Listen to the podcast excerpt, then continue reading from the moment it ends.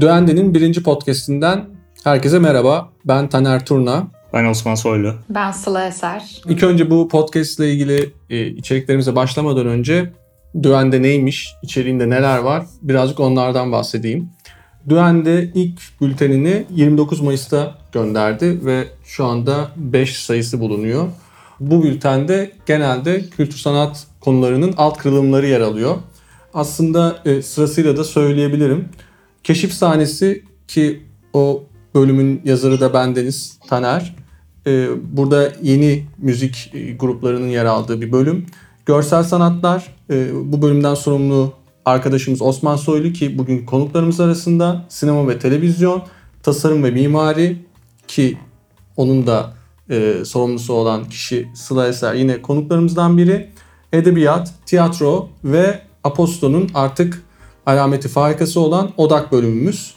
Biz bu podcast'te her hafta bu alt konulardan iki ana başlığı seçip buradaki içerikler hakkında bir podcast kaydedeceğiz ve bu şekilde e, bundan sonra devam edeceğiz deyip ilk önce konukları tanıyalım. Osman biraz kendinden bahseder misin? Önce Duanda üzerinde başlamak gerekirse e, yaklaşık bir aydır burada görsel sanatlar bölümünü yazıyorum. E, onun dışında Aposto'nun editörlerinden biriyim. Yani çok farklı alanlarda özellikle teknoloji alanında içerik üretiyorum. E, şu sıralar bir yandan hala öğrencilik hayatım devam ediyor. Sonuna geldim sayılır. Sıla biraz hem kendinden hem de birazcık nasıl olduğundan bahseder misin? Merhaba herkese. Ben de Aposto'da tasarım ve mimari editörüyüm. Aynı zamanda geçen sene Boğaziçi Üniversitesi'nden mezun oldum. Bu sene de stratejik tasarım alanında Parsons'da yüksek sansa başlıyorum. E, de sizlerle Tasarım ve Mimari kanalında her hafta buluşacağız. Süper. Çok teşekkürler bu hızlı ve e, detaylı tanıtımlarınız için. O zaman bugünkü podcast'imizde içeriklerimize geçelim ve görsel sanatlar başlığıyla hızlıca başlayalım. İlk konumuz İspanya'daki restorasyon tartışmaları. Bu tip konular genelde e, böyle ufak minor olayların çoğalarak büyümesiyle oluşur. Peki İspanya'da bu durum nasıl oluştu? Aslında İspanya'da e, restorasyon tartışmaları yeni bir konu diyemeyiz. Aslında 2012'de de çok ciddi tartışmalar yaşanmıştı bu alanda. Fakat ilk önce e, bu haftanın gündemine odaklanalım. E, bu hafta İspanyol bir e, sanat koleksiyoneri e, Meryem'i resmeden e, Immaculate Conception e, adında bir tabloyu bir mobilya tamircisine 1200 avro karşılığında restorasyon yapması için teslim etti. Fakat sonuç gerçekten beklenenin çok dışında ve tablonun orijinalliğinin e, çok yüksek dozda bozulduğu ve eserin tanınmaz hale geldiği bir restorasyon oldu. Burada aslında tepki daha çok e, İspanya restorasyoncular ve tarihi eser koruyucuları grubundan geldi. E, çünkü başta da belirttiğimiz gibi bu ilk vakası değil İspanya'nın ve aslında İspanya bundan çok çekiyor. Ve bu birlikte ülkede benzer restorasyon hatalarının çok sık tekrarlandığını e, ve kültürel mirası yok edecek girişimlere karşı e, daha koruyucu yasal düzenlemelerin getirilmesi çağrısında bulundu. Bu haftanın gündemi e, bu tablonun gerçekten çok yüksek dozda bozulmuş olmasıydı. Fakat çok benzer bir olayı aslında 2012'de de yaşadı İspanya. 2012'de de İspanya'nın Zaragoza şehrinde bulunan bir kilisede Ecce Homo adında bir İsa tasviri, bir fresk emekli bir gönüllü tarafından restorasyon yapılması için alındı. Fakat e, sonuç yine e, hüsrandı çünkü inanılmaz e, bir dozda Ecce Homo tasviri bozulmuştu. Hatta maymuna benzediği yönünde benzetmeler yapıldı. Eseye karşı Ecce Homo'ya Ecce Mono takma adı verildi. Çok kısa onun da tarihinden bahsedersek o da 1930 yapımı bir freskti. Ve aslında klasik bir Hristiyan freski olarak kategorize ediliyordu. Fakat bu 2012'deki olay aslında Zaragoza'ya ve ilgili kiliseye pozitif yansıdı. Çünkü 2012 yılından önce 6000 ziyaretçiye sahip kilisenin ziyaretçi sayısı bu bozulmuş freski görmek için 40 ila 50 bin kişiye çıktı. Yani turizm anlamında ciddi bir kazanç söz konusu. Sanat anlamında ciddi bir kayıp söz konusu. Evet reklamın iyisi kötüsü derken yine bu klişe e, yerini bulmuş oldu diyebiliriz. Şimdiki konumuz aslında bence ileride ya film olur ya dizi olur, mini dizi olur. E, çünkü bir sanat simsarı, e, Amerika'daki bir sanat simsarının devam eden soruşturması kapsamında yeni gelişmeler var. Nedir bu gelişmeler Osman? Öncelikle katılıyorum. Bence bundan dizi olacak birkaç yıl içinde. Ya çok enteresan bir hikaye. Inigo Philbrick isminde bir sanat simseri. Ee, aslında bir yandan da hani 33 yaşında ve sanat camiasında özellikle e, daha önce Londra ve New York'ta galeri ve sergileri olan bir isim Philbrick ve sanat camiasında genç kuşak arasında sıyrılan isimlerden bir tanesi. Takdir toplayan isimlerden bir tanesiydi. E, fakat geçtiğimiz hafta FBI tarafından yakalandı. Niye yakalandı? Geçtiğimiz Ekim ayında başlayan bir takım dolandırıcılık iddiaları var ve bu iddialar yaklaşık 20 milyon dolarlık bir dolandırıcılık serisine işaret ediyor. Ciddi bir rakam ve Philbrick FBI tarafından yakalandı. Daha önce Guam'daydı. Guam'ı kaçtığı bilmiyordu. ABD'ye geri getirildi. Philbrick'in yaptığı şey de aslında şu sanat piyasasında bir kural var. Eğer bir sanat eseri %100 size ait değilse siz bunu satamıyorsunuz. Fakat Philbrick tam olarak bunu yaptı. Bu kuralı yıktı ve kendisine ait olmayan sanat eserlerini farklı partilere, galerilere, sergilere satmış oldu ve sattığı eserlerin yapımcıları, sahipleri arasında işte Yayoi Kusama, Christopher Full gibi sanatçılar da var. Bir sonraki konu aslında benim de detayını bilmek istediğim bir konu. Çünkü 10 Haziran'da Fransa'nın Bordeaux şehrinde dünyanın en büyük dijital sanat galerisi sloganıyla bir deniz üstünde dijital sanat galerisi açıldı, faaliyete geçti. Şimdi burada merak ettiğim konu bu bir PR e, metni mi? Yani dünyanın en büyük dijital sanat galerisi nasıl olunur? Bu da var. Bir de detaylar tabii ki. Dünyanın en büyük dijital sanat galerisi evet dikkat çeken iddialı bir sıfat. Nerede açıldı? Bordeaux'da açıldı ama Bordeaux'da da e, aslında özel bir yerde açıldı bu galeri. E, İkinci Dünya Savaşı sırasında inşa edilen bir denizaltı üssü. Yani Fransızların aslında Alman kuşatması altında inşa ettiği bir denizaltı üssünün e, restorasyon sonucu e, yanlış hatırlamıyorsam 14 milyon avroluk bir restorasyon sonucu dönüştürülmesiyle e, bu üs bir sanat galerisi, dijital sanat galerisi e, haline dönüştü. Daha önce neden yapılmıştı? Aslında daha önce de benzer niyetler vardı fakat yeterli bütçe toplanamamıştı. Ve önceden bu üs Fransızlar içinde en azından betondan canavar olarak nitelendirilen nispeten belki korkutucu ve soğuk diyebileceğimiz bir yapıyken şu an bambaşka bir sıfata e, ev sahipliği yapıyor. Çok kısa detaylarından da bahsedersek 12 bin metrekarelik bir alandan bahsediyoruz. E, ve bu alanın içinde 90 projektör e, ve 100 metrelik fiber optik ağ kurulmuş durumda. Şu an 10 Haziran'dan itibaren Gustav Klimt ve Paul Klee eserleri devasa boyutlarda dijital bir biçimde duvarlara yansıtılıyor. Şu anki formatı bu fakat ilerleyen dönemlerde bu projektörler ve ağlarla kurulan altyapı sayesinde bence çok farklı konseptlere de gebe olabilir. Teşekkürler Osman bize görsel sanatlarla ilgili birbirinde ilginç başlıklarda verdiğin detaylı bilgiler için. Bu bölümü sonlandırıp e, bir diğer farklı konuların, farklı başlıkların, e, ilginç bilgilerin olduğu tasarım ve mimari alanına geçiyoruz. Burada İlk konumuz aslında tasarım okulu Royal College of Art'ın şehirlere akıllı tasarımlar yapmak konulu e, sempozyumundan e, geliyor. Bu sempozyumda az önce mi çıktın sen e, Sıla? Evet, e, geçtiğimiz hafta başlamıştı bu sempozyum. Az önce de ikinci bölümü vardı.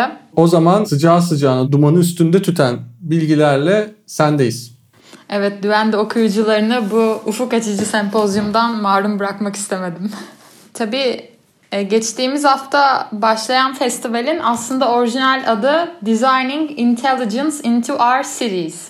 Aslında baktığımızda ilginç bir isim çünkü şehirlere akıllı tasarımlar yapmak tarzında bir çeviri yapmamız doğru olabilir. Normalde akıllı şehirler jargonuna alışkınız ve akıllı şehirler dediğimizde ilk aklımıza gelenler trafik, ulaşım, altyapı hizmetleri, atık yönetimi tarafında stratejik ve akıllı değişimler olması yönünde ilerliyor. Tabi bu discourse'tan farklı olarak e, bu panelde öncelikle intelligence bizim için zeka ne demektir üzerine tartışıldı ve konuşmacılar arasında mimarlar, servis tasarımcıları, sosyologlar, antropologlar, çok farklı disiplinlerden akademisyenler ve katılımcılar vardı. E sonrasında da şehirlere akıllı tasarım yapmak ne anlama gelir? Bunun üzerine konuşuldu. Gerçekten ufuk açıcı bilgiler edindik. Özellikle şehirlerdeki mobility dediğimiz ulaşım ve hareketlilik noktalarını fonksiyonellikleri dışında sosyal bir e, katkı da sağlayacak alanlar olarak nasıl tasarlayabiliriz sorusu sempozyumda tartışıldı. E, hatta akıllı şehir tanımını da en son bugün şöyle yaptılar. E, sadece akıllı teknolojilerle bir şehri tasarlamak değil, toplum katılımını da sağlayan şehirler e, tasarlamak ve bunların hepsinin bu sistemlerin nasıl beraber çalıştığını görmek e, çok önemli olacak geleceğin şeylerinde dediler. Benim de e, düşündüğümde tabii müziğin, kültürün, e, kültür sanat etkinliklerinin, tiyatroların, atölyelerin herkese nasıl daha çok erişebilir? E, bu şekilde şehirler nasıl tasarlanabilir? Büyük ihtimalle akıllı şehirlerin konusu gelecekte de bunlar olacak. Yani açıkçası dijital çağda pek çok farklı alanda olduğu gibi yine burada tabii ki planlar söz konusu olsa da deneyimlerle birlikte karar verdiğimiz, anlayabildiğimiz bir süreç söz konusu. Yani bizzat içinde yaşayarak öğrenip e, yoluna devam ediyoruz. Bu da onun başlıkların, onun bir mimariyle ilgili uzantılarından bir tanesi. Bir diğer konumuz da Guardian'da yayınlanan bir makale üzerine. Biraz bundan bahsetmek ister misin? Evet, e, Guardian'da da geçtiğimiz hafta dayanıklı bir şehir e, nasıl olmalı başlığında önemli bir makale paylaşıldı. Makalede İtalya'dan başarılı bir e, mimarın konuşmasına yer verildi. Bir şehri küresel salgınlara karşı nasıl daha dayanıklı hale getirebiliriz üzerine konuşuldu ve mimar kentsel dönüşümle bunun mümkün olabileceğini söyledi. Ancak kentsel dönüşüm tanımının da daha çok binaların yenilenmesinden öte nihai hedefinde bir komünite ve toplum yaratma amacı taşıması gerektiğine inandığını söyledi. Aslında e, Royal College of Art'taki sempozyuma benzer bir çıktısı var. Kentsel dönüşümler kentsel ayrımcılığa meydan okumasın ve insanlar arasında etkileşimler sağlayacak karşılaşma alanları yaratacak alanlara dönüşsün konusu üzerine tartışıldı. Ee, özellikle günümüzde içinde bulunduğumuz peşi sıra felaketleri de yaşadığımız süreçler içerisinde oldukça ilgi çekici ve dikkat çekici bir başlık ve bir makale aynı zamanda. Tasarım ve mimari bir sonraki konumuzda devam edelim. Tasarım ve mimari yayını Deez'in düzenlediği Visual Design of Festivali normal şartlar altında 30 Haziran'da son bulacaktı fakat festival 30 Temmuz'a kadar uzatıldı. Evet, dünyanın ilk çevrim içi tasarım festivaliymiş bu arada. Ve 15 Nisan'dan beri ben sürekli takip ettim. Yani konu başlıklarına baktığınızda e, öğrencilerin mezuniyet projelerinden mimarlarla e, gerçekleşen söyleşilere kadar inanılmaz dop dolu bir program vardı. Özellikle tasarım alanında haberleri takip eden okuyucuların sayfasına mutlaka bakmasını öneriyorum. Hatta içeride gelecekteki tasarım bienallerinin çok özel bir takvimi de yapılmış. O da çok önemliydi. Bu arada benim için en farklı iki proje şu oldu. Yeni neslin gözünden mimari projeler görmek çok ilginçti. Bu Virtual Design Festival aynı zamanda bir anda e, dünyadaki tasarım okullarının bir sergi alanına dönüştü. Bunu deneyimlemek çok farklı geldi. Bu tarz projelerin herkese, internet erişimi olan herkese erişebilmesi bence e, çok farklı bir e, Covid'in çok farklı bir yönünü gösterdi bize. Tam bu noktada bir soru sormak istiyorum araya girerek Sıla sana. Çünkü e, merak ediyorum ben de. Nisan ayında başlayan bir festivalden bahsediyorsun. Bu süreç içerisinde de pek çok sempozyum, festival bunları online takip ettin. Burada mesela sürekliliği, o program takibini, e, iç kendi e, schedule'ını oluşturmayı nasıl başarıyorsun? Bunu biraz bundan bahseder misin? Evet, özellikle festivalin gelecek haftalarda yapılacak konuşmaları paylaşması sayesinde diyebilirim. Yani oradan ve insanların alanlarına göre kategorilere ayrılması, işte ses tasarımcıları, e, ürün tasarımcıları, e, mimarlar her biri için farklı tagler vardı ve izlemesi çok kolay oldu. Hatta YouTube videolarıyla da desteklendi bu festival. Yani diyebiliriz ki bu da dönemin bize kazandırdığı yeni bir öğrenme şekli, yeni bir araştırma, yeni bilgi edinme e, formatı oldu diyebiliriz sanırım. Evet aslında dijital erişim gidemediğimiz sergileri, bienallere bir nevi evimize getirdi diyebiliriz. Kesinlikle öyle. E, sonraki konumuz da aslında yine bir e, festival, Londra Mimarlık Festivali. Onun da gelecek hafta son bulacak o festivalde. Birazcık da ondan bahsedelim. E, Londra Mimarlık Festivali de dijital olarak e, devam ediyor.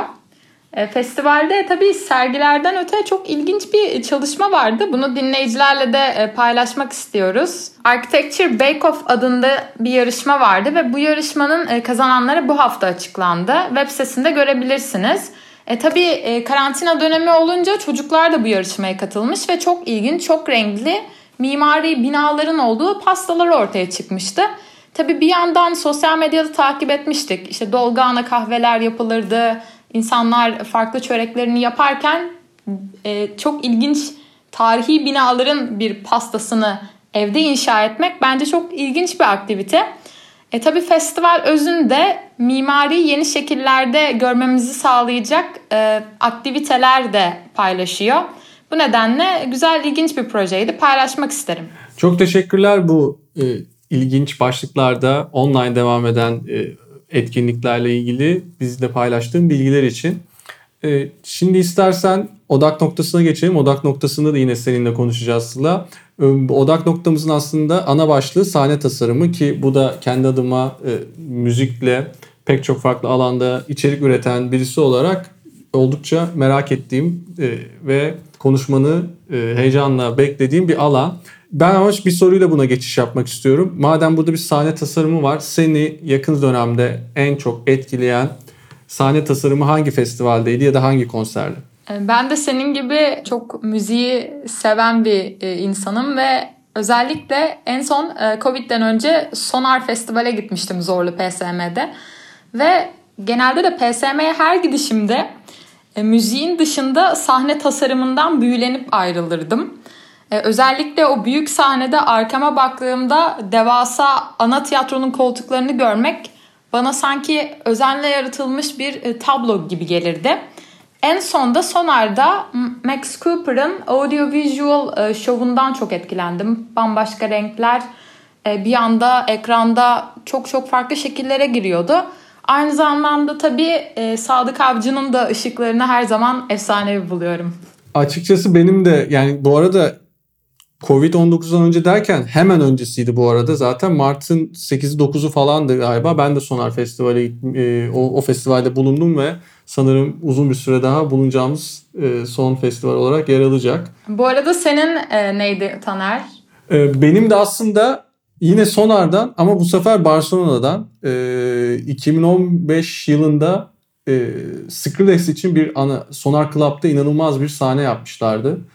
Böyle 25 bin kişinin e, kapalı alan içerisinde devas yani kusursuza yakın bir ses sistemi ve kusursuza yakın bir e, sahne ve ışık tasarımıyla birlikte yani ben Skrillex dinleyicisi değildim ama o performatif hali e, görmek ve onun içinde bulunmak bambaşka bir deneyimdi öyle söyleyebilirim. Ama ondan önce de geçen sene yine bir örnek daha verirsem yine Sonar'da Ben Frost'un 360 e, derece bir performansı vardı. O da bir e, sahne ortasına kurulmuş bir e, platform. O platform üzerinde bir performans ve aynı şekilde 360 derece etrafınızda dönen yer alan daha doğrusu bir ses sistemi üzerineydi. Yani özellikle aslında Sonar bu alanda zaten görsel işitsel deneyimleri vaat eden ve bunları da gerçekten çok tatminkar bir şekilde sunan bir festival diyebiliriz. Ama peki bizim konumuzda aslında bunların yaratıcısı olan ve bunları yaratarak belki de bu alanda dünyada adından en çok söz ettiren kişi S. Devlin. Evet, ben de dinleyicilerini S. Devlin'le tanıştırmak istiyoruz. Aslında çok ilginçtir ki ben de S. Devlin'le Netflix'in The Art of Design'dı sanırım. Abstract belgeselinde keşfettim ve nasıl olur da bugüne kadar bu kadar sahne tasarımlarına hayran biriyken S. Devlin'i bilmem diye kendi kendime çok çok sordum. E, tabii bu yeni normal dönemde kültür sanat hayatından e, dijital olarak erişsek de fiziksel olarak bir tık uzak kalacağız ve e, çok özlediğimiz performanslar var. Ve bu performansların arkasındaki sahne tasarımcılarının özellikle S. Devlin gibi büyük isimlerin hikayelerini öğrenmenin bize bambaşka bakış açıları katabileceğini düşündüm. Bu nedenle bu hafta odamızda kısaca S. Devlin'den bahsetmek istiyorum. S. Devlin aslında e, İngiliz Edebiyatı bölümünden mezun oluyor ve okurken hatta e, şunu söylüyor. E, birisi her zaman bir makale yazmamı istediğinde tek yapmak istediğim bir resim çizmekte diyor. Bazen olur ya farklı bölümlerde okuruz ama bir şekilde sinyaller bizi o tutkumuza yönlendirir. Sanırım S'te de bu olmuş ve sonrasında bir sahne tasarımı kursuna gidiyor ve gerçekten kendini bulduğunu söylüyor. Tabii tiyatro ta- sahne tasarımlarıyla kariyerine başladıktan sonra müzik şovları için de sahneler tasarlamaya yöneliyor ve Kanye West'in büyük şovlarından Jay-Z'den, e, Adele'den, Lady Gaga'dan, Beyoncé'den, U2, Muse'a uzanan çok farklı isimlerin o büyüleyici şovlarını izlediğimizde o arkadaki ışıkların e, yaratıcısı S. Ve ekibiymiş aslında. Sadece ışıklar değil, sahne tasarımını da yani dekorla birlikte komple sahne tasarımını da diye araya gireyim. Hatta bu konserleri özellikle Google'layıp e, görsellerine bakmalarını şiddetle tavsiye ederim dinleyicilerim. Çok doğru söyledin Taner. Hatta Netflix'in e, Abstract belgesellerini de dinleyicilerin izlemesini öneririm. Es orada şöyle bir e, söz etmişti. Çalışmamın son 20 yılında nesnelerin genellikle boşlukları doldurmak için yapıldığını keşfettim. E, Benim için de bu boşluğu sanatla doldurma dürtüsü esastı. Yani es bir anlamda e, müzikal deneyimlere bir bir sanat eseri de eklemiş oluyor diyebiliriz belki de. Ve S. Devlin aynı zamanda Expo 2020 Dubai'de de İngiltere pavilyonu için bir yapı hazırlamıştı. Ve bu yapıya baktığınızda dev bir müzik aleti, bir violine benzeyen bir yapı. Bu yapının arkasında da minik bir hikaye var. Hemen bahsedelim. Geçtiğimiz sene Serpentine Gallery Londra'da Poem Portraits adında kolektif bir şiir oluşturma projesi yapılmış ve çok fazla insan bu kolektif şiire bir kelime ile katılma fırsatı bulmuş. Aynı zamanda S yapıya bu kolektif şiiri de taşıyacakmış. Bu nedenle bu Dubai'de tabii olacak Expo gelecek seneye etkilense de bunun da e, bu projenin Duende'de e, takipçisi olacağız. S'ten kısaca böyle bahsedebiliriz. Duende'de de gereken linkleri paylaşacağımızdan emin olabilirsiniz. Çok teşekkürler. Bu farklı bir alanda gerçekten kalıcı izler bırakmış ilginç bir sanatçı olan. Devlin hakkında bize detaylı bilgiler verdiğiniz için. Bu paylaşımla birlikte Duende'nin ilk bölümünün sonuna geliyoruz. Önümüzdeki hafta yeni konuklar, yeni başlıklar, yeni içeriklerle görüşmek üzere. Hoşçakalın. Hoşçakalın. Hoşçakalın.